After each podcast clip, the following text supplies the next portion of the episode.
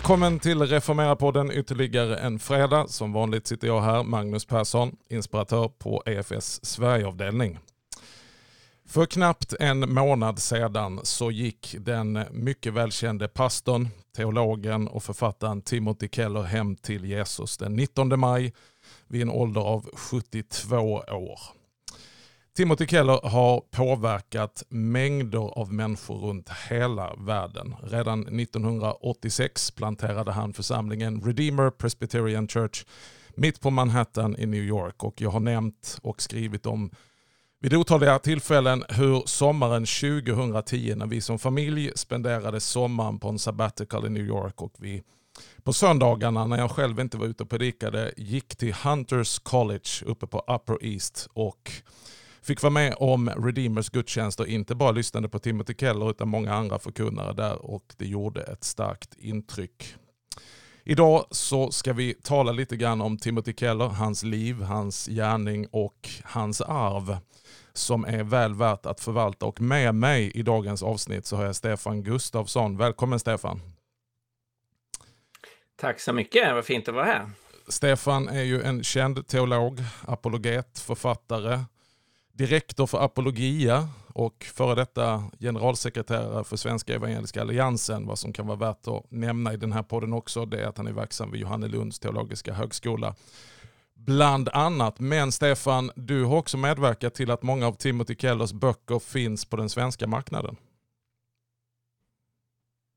Ja, det stämmer. Vi har, eh, vi har gett ut Eh, tre av hans eh, mycket uppmärksammade böcker. Han skrev ju sammanlagt ett 20-tal böcker. Det hade varit härligt om de var på svenska allihopa. Men mm. eh, vi gav ju först ut Varför ska jag tro på Gud? Det som var hans första bok. Eh, The Reason for God, som heter den på engelska The Reason for God. Mm. Och som ju blev en internationell eh, bästsäljare och som har sålt väldigt bra här i Sverige också. Mm. Eh, av alldeles uppenbara anledningar. Det är en väldigt, väldigt läsvärd bok. Verkligen. Eh, en av de första böckerna jag kom i kontakt med av Timothy Keller är Counterfeit Gods. som berörde mig väldigt starkt på min teologiska resa och efter den även The Prodigal God. Som inte heller finns på svenska. Vi får försöka göra någonting åt det. Ja, eller hur? Det finns ju en guldgruva. Men du, om vi ska ta det eh, från början, höll jag på att säga. Eh, hur kom du först i kontakt mm. med Timothy Keller och hans eh, undervisning, hans tjänst? Jag, jag, minns inte, jag minns inte exakta årtal, men det var någon gång alldeles i början, eller runt millennieskiftet eh, när hans, hans namn dök upp i, i, i olika sammanhang. Och eh, människor refererade till hans förkunnelse och till församlingen. Eh, och jag började eh, följa honom, lyssna till honom eh, och blev som så många andra djupt, djupt berörda av hans, hans sätt att, att förkunna evangeliet. Mm. Som ju är både så starkt, det är liksom kontextuellt, det, det berör vår tid. Det är väldigt existentiellt, han har en förmåga att tala in i hjärtat.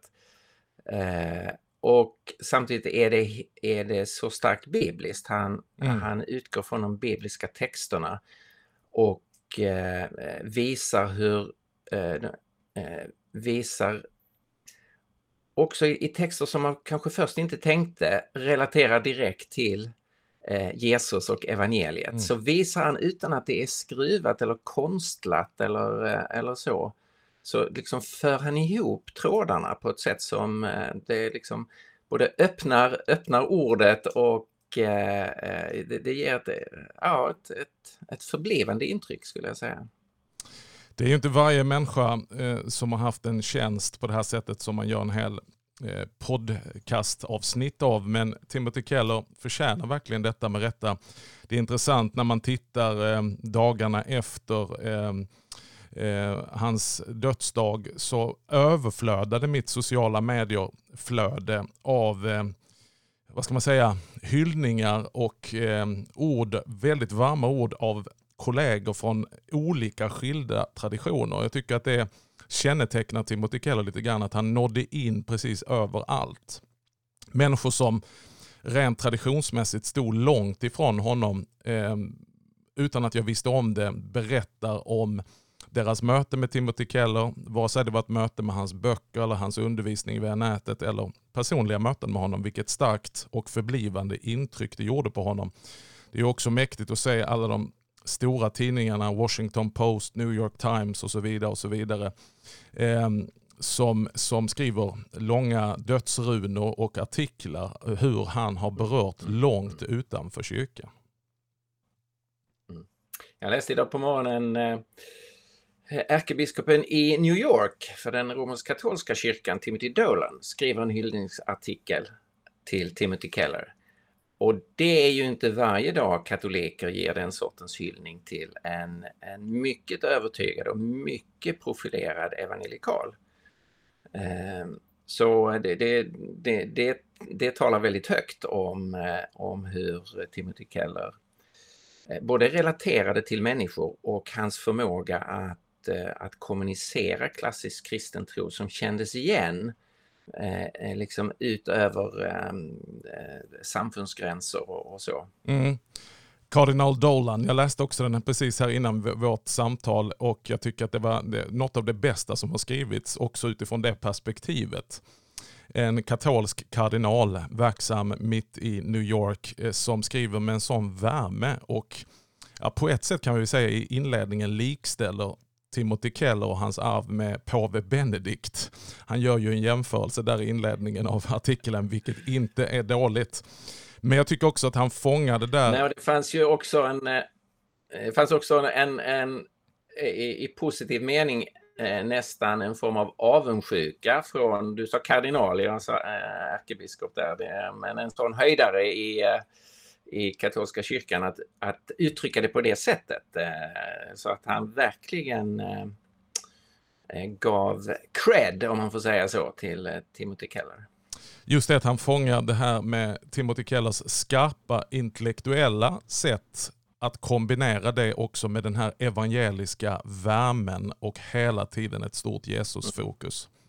Men om vi ska fortsätta gräva i detta Stefan, om vi, om vi börjar med böckerna, finns det någon speciell bok av Timothy Keller som har berört dig, gripit dig på ett alldeles speciellt sätt? Det finns som sagt en hel del att välja mellan. Ja, det där det, det, det är svårt, att, svårt att rangordna. De, de, är, de har sina, sina olika styrkor. Du nämnde ju de här två eh, ganska korta små böckerna. Eh, Counterfeit Gods och The Prodigal Son som ju är, är väldigt gripande böcker.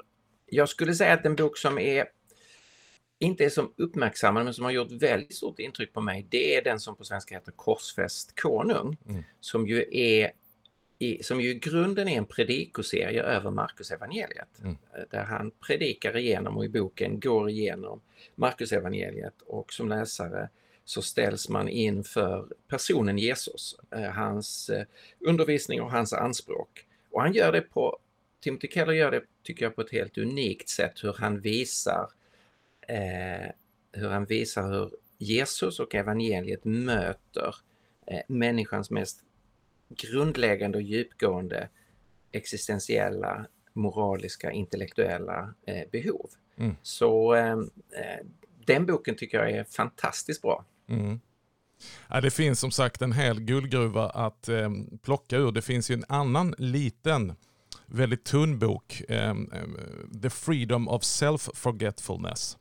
Eh, som också rör vid lite detta som jag uppfattar var en av de budskap som, som har slagit mig eh, och blev en viktig pusselbit på min teologiska resa där alldeles i början. Jag hade läst Rosenius, jag hade läst Luther och här kommer då en presbyterian, i och för sig med luthersk bakgrund, som lyckas förmedla Luthers utläggning av den, det första budet på ett enormt träffsäkert sätt till den moderna människan. Där han säger att synden under varje synd, så uttrycker han. Alltså det finns en underliggande synd till varje synd som vi gärna sätter upp i en syndakatalog och det är avgudadyrkan. Och den avguden är ju inte sällan oss själva helt enkelt. och så undervisar han, det är också en predikoserie, att friheten av att få um, get over yourself helt enkelt. Väldigt... Tänk om alla lutheraner kunde vara så bra som, som presbyterianen Keller. Det hade varit härligt. Vi, vi, vi, har lite att göra, Stefan. Jag har faktiskt inte läst det. Ja, just det, det har vi. Vi har jobbat på. Jag har faktiskt inte läst den boken, så det var ett intressant, eh, intressant lästips. Rekommenderar den varmt. Men du, eh, om vi nu mm. eh, tittar på Timothy Kellers eh, tjänst som är väldigt mångfacetterad. Han är ju en teolog i grunden, eh, var, var, var verksam på Westminster och så flyttar han till Manhattan tillsammans med sin familj och planterar en församling. Eh, och en församling som verkligen når den sekulära människan på Manhattan. Och det blev ju en växande församling som sen har lett till ja, ett helt församlingsplanteringsnätverk, City to City Network, eh, och en växande församling. Men han lyckas ju att kombinera det som tyvärr är sällsynt, det vill säga en djup teologisk medvetenhet, teologiskt tänkande med en väldigt missionell spets. Om du utvecklar dina tankar kring detta, Stefan? Ja, han, han, han har ett intressant, en intressant livshistoria personligen. Så han kommer ju då från en någon sorts man får intryck mer nominell kristen luthersk bakgrund eh, och kommer till en personlig tro genom eh, studentrörelsen i USA, Intervarsity. Och eh, utbildar sig sen till pastor. Och sen är han ju pastor i en ganska, ett ganska litet sammanhang i Virginia, en, en småstad, där han eh, eh, är pastor och förkunnar i den miljön. Och jag noterar att han ganska ofta gör referenser i sin, i sin egen förkunnelse tillbaka till Virginia och arbetarklassen, den småstadsmiljön. Eh, det är en ganska, eh, så att säga, ganska stor kontrast till det som sen är i Manhattan. Så där gör han en mängd erfarenheter av, av mänskligt liv och av att bygga församling. Sen har han då den akademiska tiden på eh, Westminster där han är, är professor och lärare och kan fördjupa sig i det akademiska. Och sen har han då den tiden med församlings, församlingsplantering i New York på Manhattan med alla de sofistikerade människorna där. Eh, så Gud förberedde ju honom på ett, ett mycket intressant eh, eh, ett, ett, mycket intressant sätt. Jag har ganska nyligen läst Colin Hansen är ju en medarbetare på The Gospel Coalition som har skrivit en en bok om Timothy Keller. Och för mig var det intressant att se hur han också hade ganska mycket kopplingar, var influerad av Francis Schaeffer och Labrie. Eh, som ju är en, en influens som har varit väldigt viktig, eh, väldigt viktig för mig. Så att, eh, det tyckte jag var, var intressant att se. Eh, det som allt det här leder fram till det är ju att Timothy Keller har en bredd som väldigt få, få personer har. Att han Eh, han har den intellektuella förståelsen. Ofta är hans intellektuella, intellektuella analyser, både samhällsanalyser och filosofiska analyser, är fullständigt briljanta, fullständigt lysande. Eh, och som eh, Don Carson eh, har sagt att han, han var ofta han var bättre att sammanfatta en motståndares position än vad personen själv var. Alltså han, han verkligen greppade vad som var alternativen till kristen tro och kunde framföra dem på ett hederligt sätt och sen eh, framföra sitt eget och, och eh, liksom föra en argumentation kring det. Så han hade den intellektuella sidan. Sen hade han den bibliska sidan. Eh, att han hade ett sånt grepp om det bibliska materialet och en sån kärlek till mm. Guds ord. Och hans förkunnelse är så genomtänkt utifrån de bibliska texterna. Och sen har han det, det personliga, det existentiella. Han har, han har en förståelse för människans hjärta. Mm. Eh, eh, vår tomhet, vårt självbedrägeri, eh, vår längtan, allt det som är den fallna människans hjärta. Eh, och han kan tala in till, eh, i, i, i, eh, till hjärtat. Så det är liksom han, man kan tänka på många andra som har delar av det här men han kombinerar det på ett sätt som det, det är få personer man kan, man kan säga det om. Ja, men det är just detta, de olika delarna i någon sorts vacker syntes inkarnerade en människa. För du kan ju hitta duktiga teologer som är duktiga på sitt gebit men som inte sen lyckas kanske att kommunicera detta till samtiden och kanske inte har den här missionella ivern. Sen kan du hitta de som talar väldigt mycket om församlingstillväxt men man kan känna att det finns mycket annat som fattas eh, för långsiktigheten. Ehm, och Man skulle ju också kunna säga så här ehm, lite slarvigt att om du tittar på en gudstjänst med Timothy Keller, jag har fått uppleva några stycken i verkligheten på Manhattan, så skulle du utifrån all tillväxtsnack som finns i kristenheten döma ut det och säga det här kan aldrig mm. växa. Mm. Men han har ju visat motsatsen. Ja, han körde ju ingenting liksom med, med image och coolhet och så, utan eh, jag har också varit på, eh, på gudstjänst där och han, eh, han kommer in från sidan, ställer sig vid pulpeten och, och sen så är det ju, är det ju budskapet och hans egen, eh, ska man säga, det, integriteten, tyngden är alltså i, i, i hans person. Mm. Eh, det är verkligen inte teater eller image eller, eller retorik. Så man, eh, man, man grips ju av kommunikationen mm. eh, från, från honom på ett lite djupare sätt än det som är det, det som är imageburet. Mm. Min fru eh, som gick på fler söndagar än jag eh, under den här perioden, eh, hon sa att hon, hon, hon, hon greps till tårar. Det var som att sitta i ett offentligt själavårdssamtal och ändå så var det bibelutläggande förkunnelse, inte kort och snuttifierat utan ganska ordentligt med tid att ta sig an det bibliska mm. materialet. Sen hade han också sin karaktäristiska stämma som var djup och resonerande. Mm. Ingenting att höja rösten eller att försöka engagera eller publikfrieri utan att låta Bibeln tala men på ett oerhört relevant sätt som träffar den moderna och postmoderna människan. Och Gunilla brukar säga att hon blev så rörd när hon tittade sig runt omkring för att majoriteten i salen var ju unga vuxna professionals. Just det. Framgångsrika människor på Manhattan som, eh, eh som han nådde fram till. Som har allt men ändå tycks sakna något. Just det. Men du Stefan, eh, eh, om vi ska, koncentrera oss på varför tar man då upp Timothy Keller i en svensk podd? Vad har vi att lära oss i Sverige? Fungerar det som Timothy Keller, det brukar alltid bli den, den klassiska diskussionen att nu kommer ni ytterligare med en amerikan här. Och amerikaner funkar inte i Sverige, säger många då, som inte kanske är medvetna om mm. den olika. Men vad menar du vi har för något arv att förvalta från Timothy Keller som faktiskt skulle fungera i Sverige också? Vad har vi att lära av Timothy Keller? Du ställde ju tidigare frågan om eh, vilken är den viktigaste, bästa boken. Eh, och jag vill inte göra en sån eh, lista. Men en, en bok att lyfta fram är ju Center Church som ju är en mycket omfattande bok om församlingsplantering och ett tänkande bakom både församlingsplantering, nya församling eller församlingsförnyelse, att få en existerande församling eh, att börja fungera.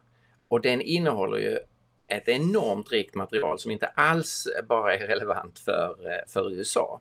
Och man kan ju säga, det har vi inte nämnt, att eh, Timothy Keller var ju med och startade församlingsnätverket, församlingsplanteringsnätverket City to City, som ju jobbar på, eh, på alla eh, världens fem kontinenter eh, och därmed har erfarenheter som, som inte är knutna till USA. Utan, så, så, så där är ju Keller, han är oerhört relevant. Så jag, skulle, jag tycker det är självklart att samfund borde se till att alla präster och pastorer faktiskt jobbar igenom eh, eh, den boken. För mm. där finns så oerhört mycket att, eh, att tänka. Som, eh, som apologet så är jag ju förstås, eh, vill jag ju gärna stryka under eh, den apologetiska sidan och där visar ju Keller i sin apologetik, han är ju inte Alltså en del personer får ju för sig att apologetik är någon sorts eh, akademiskt religionsfilosofiskt abstrakt för en, en, liksom en promille av nördarna i, i, i mänskligheten. Men han visar ju att apologetik inte alls, jag menar det kan ju ha den, det kan ju vara okej det också, men så att säga det grundläggande i apologetiken det är ju att skapa, att skapa klarhet och övertygelse. Och han visar ju hur apologetik kan fungera i förkunnelse. Mm. Så nästan all hans förkunnelse har en apologetisk dimension. Mm. Eh, där han tar upp detta, vad är det där handlar om och varför ska vi tro att det är sant? Mm. Det finns liksom med som en, en sida. Eh, så det... det eh, sen är han... Eh, sen är han ju väldigt kulturellt engagerad. Han var ju själv väldigt beläst, han, har, han gör ju ofta litterära referenser och han har en stor respekt för kulturen både i, i, i vid mening men också om vi tänker eh, eh, det, det skap, kultur som det, det skapande. Eh, och de jobbade ju en hel del med, eh, med konstnärer och musiker och, och, och författare. Så eh, ja, egentligen blir det en lång lista igen därför att det, mm. han, han, han, han har den här bredden i, hela tiden i, eh, i det han gör i, i sitt tänkande. Men om vi stannar vid, vid det apologetiska så tycker jag att eh, Timothy Keller gjorde ju det till en artform utan att eh, försöka få till någonting. Så eh, vet jag ju att många av hans debatter drog ju hur mycket folk som helst. Och det, jag har själv aldrig varit på någon, eh, jag har sett någonting på nätet, men det många säger det är att han lyckades eh, kombinera det som tyvärr är ovanligt, att vara respektfylld mot sin opponent, lyssnande, vänlig men ändå väldigt tydlig och övertygande.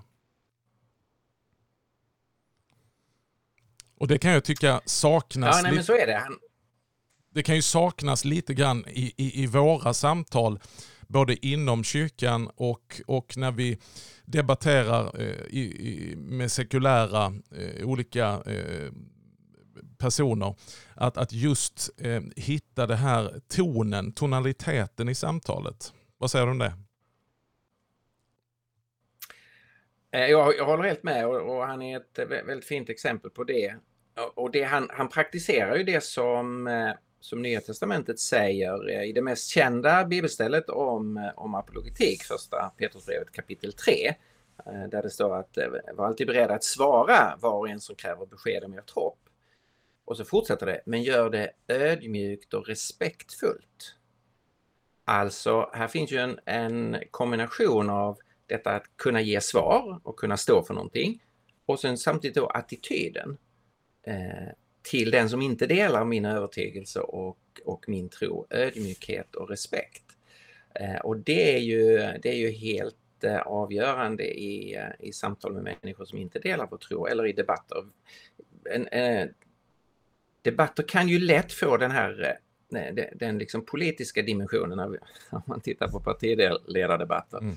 Så blir man ju bara trött i själen av att folk skriker och höjer rösten och ingen lyssnar och det är arrogans och det är nedlåtenhet och det är liksom mm. allt sånt som förstör ett, ett verkligt samtal. Mm. Eh, och i kristna apologetik så måste vi ju liksom fly den sortens attityd. Mm. Vi är ju intresserade av att, eh, eh av att vinna människor eh, av att faktiskt eh, av att älska människor mm. eh, och hjälpa människor att upptäcka någonting som är rikt och värdefullt mm. och som inte kommer från oss. Och det är därför som Eh, ödmjukhet och respekt måste, eh, måste prägla oss. Mm. Men du, om vi tittar på svensk kontext nu Stefan, du är ju välbekant med, med stora delar av svensk kristenhet och rör dig över hela bredden så att säga. Från frikyrka till folkkyrka, lågkyrklighet, eh, de olika traditionerna. Hur skulle vi då, det är många präster och pastorer som lyssnar på den här podden. Vad skulle du som insatt i den här frågan och du har skrivit om Timothy Keller. Hur skulle vi kunna ta rygg på Timothy Keller? Vad är de stora byggstenarna i hans verk och gärning som, vi, som du skulle vilja se mer av i svensk kristenhet?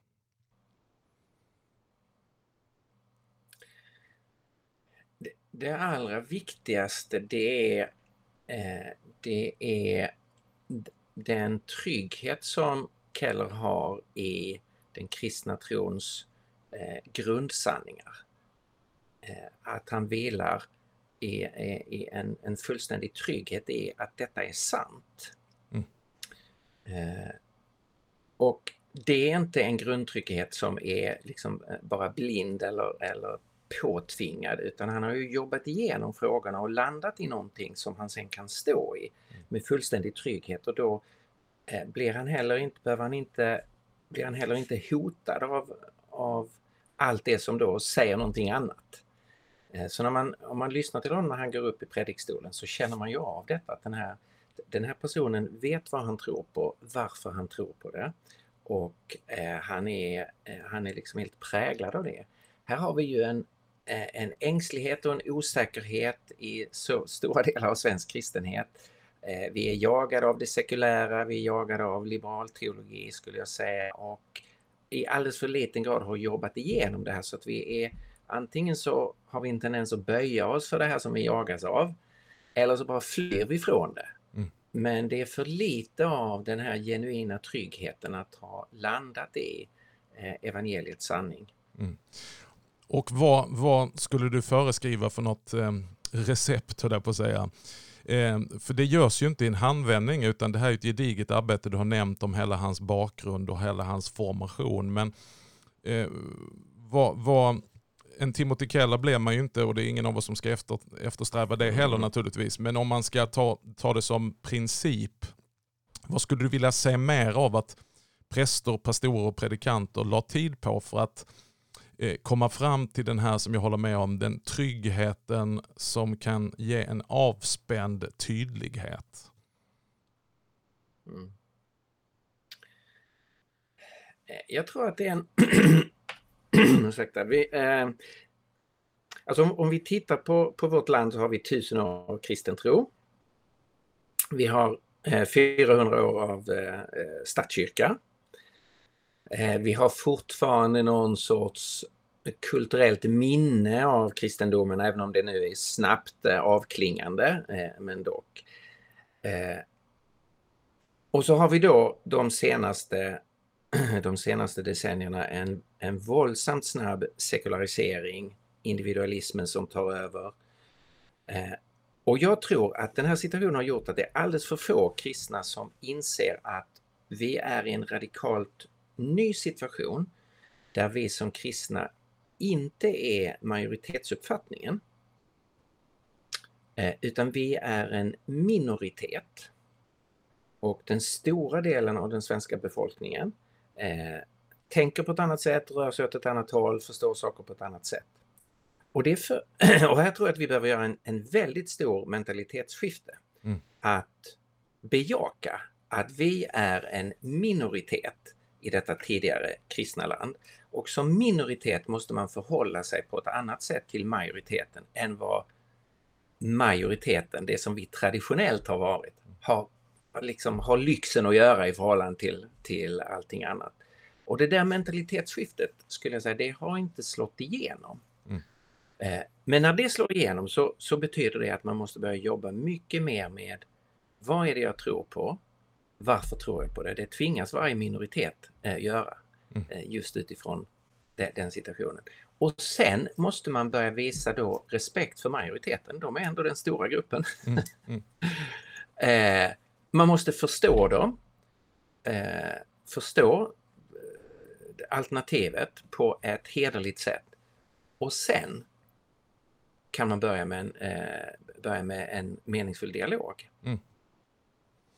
Eh, ett uttryck som jag tror kommer från The Gospel Coalition, jag vet inte om det är Keller eller Don Carson, de stressar ju ofta att du behöver vara en god exeget av skriften men också en lika god exeget av din samtid. Alltså att förstå vilka kulturella krafter, mekaniker som är i rörelse. Inte bara vad folk tänker och tycker utan varför. Då kan du gå in i en meningsfull dialog och eh, också röra vid detta som du har nämnt väldigt många gånger.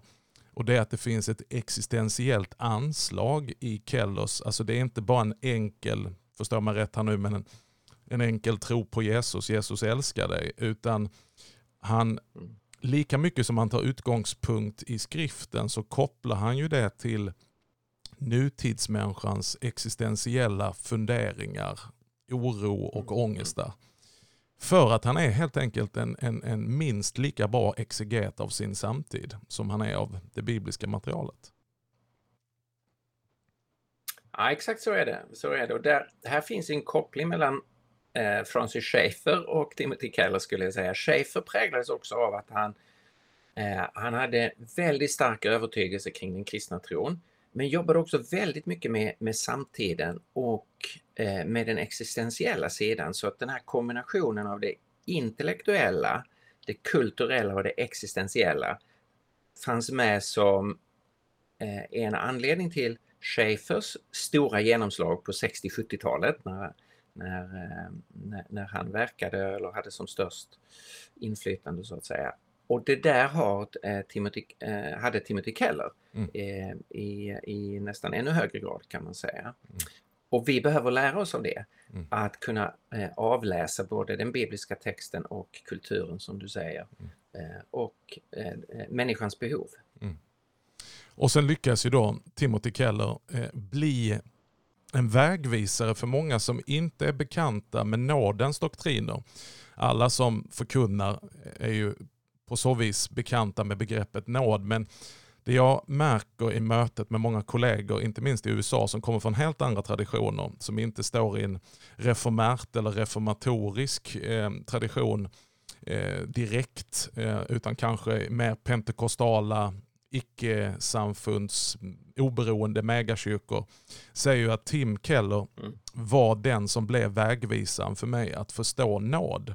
Och radikal nåd, verkligen radikal nåd utan att det blir Mm. billig nåd. Så mitt i hans briljans eh, av allt det här vi har talat om så lyckas han ju ändå att landa varje budskap i att porträttera den, det vackra med evangelium, det där riktigt hjärtevärmande eh, av Guds nåd. Och det är en unik förmåga där jag tänker att vi tenderar att hamna i diken. Att antingen har du den tydliga gruppen som gärna kan bli lite hård och lite obekväm och det finns ju sådana dimensioner av evangeliet. Eller så har du det här eh, som vi lite slarvigt kan kalla för liberal teologi. Så Gud älskar dig, du duger som du är. Inget av detta ser vi i Keller, utan vi ser en kombination av en oerhörd tydlighet, där han också har ett otroligt mod att när det verkligen gäller evangeliets sanning, så vågar han gå på eh, kollisionskurs med samtiden, men alltid med att landa i nåden. Är det en rätt beskrivning tycker du Stefan? Ja, det tycker jag. Det fångar jättemycket viktigt. Han, eh, han, han älskade ju att, att säga det här, eh, ett, ett, ett citat som han ofta återkom till och som David Brooks i, New York Times eh, återgav det också. Eh, att Timothy Keller kunde säga eh, Cheer up, you are more sinful and flawed in yourself than you ever dared believe. But at the same time, you are more loved and accepted in Jesus Christ than you ever dared hope. Exakt. Eh, Lite olika varianter så återkom ju detta. Och det är ju liksom den radikala erkännandet av, eh, eh, av, av människans, eh, människans mörker och eh, ödeläggelse. Och samtidigt då det, det radikala att, eh, att Guds kärlek till oss i Jesus Kristus är så mycket större än vi någonsin vågar hoppas på. Mm. Och det är, det, är en, en, det är ju en underbar sammanfattning av, av evangeliet. Det är ett underbart, underbar ton och innehåll att landa i. Timothy Keller, vi tackar Gud för hans gärning och vi lyser frid över hans eh, verkligen ljusa minne och vi ber att eh, hans tjänst och hans verksamhet ska få bli en ledstjärna även för oss här i Sverige. Att vi ska få låta oss smittas och inspireras och Bibeln talar om detta. Paulus säger ta mig till föredöme så som jag har Kristus som föredöme. Han säger till Timoteus att kom ihåg vad du har blivit övertygad om och kom ihåg också vem du har lärt det av, säger han. Så att det är inte bara vad vi har lärt utan också ta rygg på dem vi har lärt av. Och där har Timothy Keller på olika Mm. sätt, eh, för det, både dig och mig, blivit ett föredöme. Men om vi ska sluta med en liten lägesrapport, Stefan. Igen återknyta till att du har en god översikt av svensk kristenhet. Vad är dina önskemål om vi har ett program om tio år? Om vi får leva om Jesus inte har kommit tillbaka. Vad önskar du har hänt i Sverige och hur? Det kan vara en lång önskelista. Ja, men om ja, du tar det, de topp tre. Församlings, församlingsförnyelse och församlingsplanteringar över hela landet. Eh, men för att, för att det där ska ske så, eh, eh så, eh, så måste svensk kristenhet hitta tillbaka till förtroendet för Guds ord, eh, att den kristna tron är sann och eh, övertygelsen om evangeliets relevans, att det är budskapet om Jesus Kristus som eh, kan förvandla människor. Mm. Och om vi inte har landat i, i liksom en djup övertygelse där, sen kommer ju de olika initiativen vi försöker ta, de, de kommer inte att eh, Eh, att långsiktigt bära frukt. Så jag önskar ju att få se en eh, en, en riktig förnyelse av den, av den kristna förvissningen. Eh, att, att kristen tro är sann och att den är relevant eh, för, eh, in i varje människas liv. Mm. Ja, jag stämmer in i detta Stefan. Ett stort tack till Stefan Gustafsson för att du har varit med och samtalat lite grann om Timothy Keller i dagens avsnitt. Det finns ju som sagt hur mycket som helst att eh, nämna om Timothy Keller. För den som just nu är sugen så kan du gå in på nätet, om du inte har hans böcker, gå in på thegospelcoalition.org. Och där finns ett dokument som Timothy Keller ligger bakom som heter Theological Vision for Ministry in Our Culture. Som sammanfattar lite grann byggstenarna i hans eh, tankeguds helt enkelt som är till välsignelse att läsa. Och sen så finns som sagt böcker på både svenska och engelska. Stort tack Stefan och Guds välsignelse i det du gör att faktiskt ehm, förvalta lite av att vara en Timothy Keller i Sverige. Kanske stora ord men eh, no pressure. Tack så mycket Magnus. Välsignelse över eh, din tjänst också. Vad roligt att få vara med här i det här samtalet. Tack till dig som har lyssnat på oss ytterligare en fredag. Vi är tillbaka nästa fredag med ett nytt avsnitt.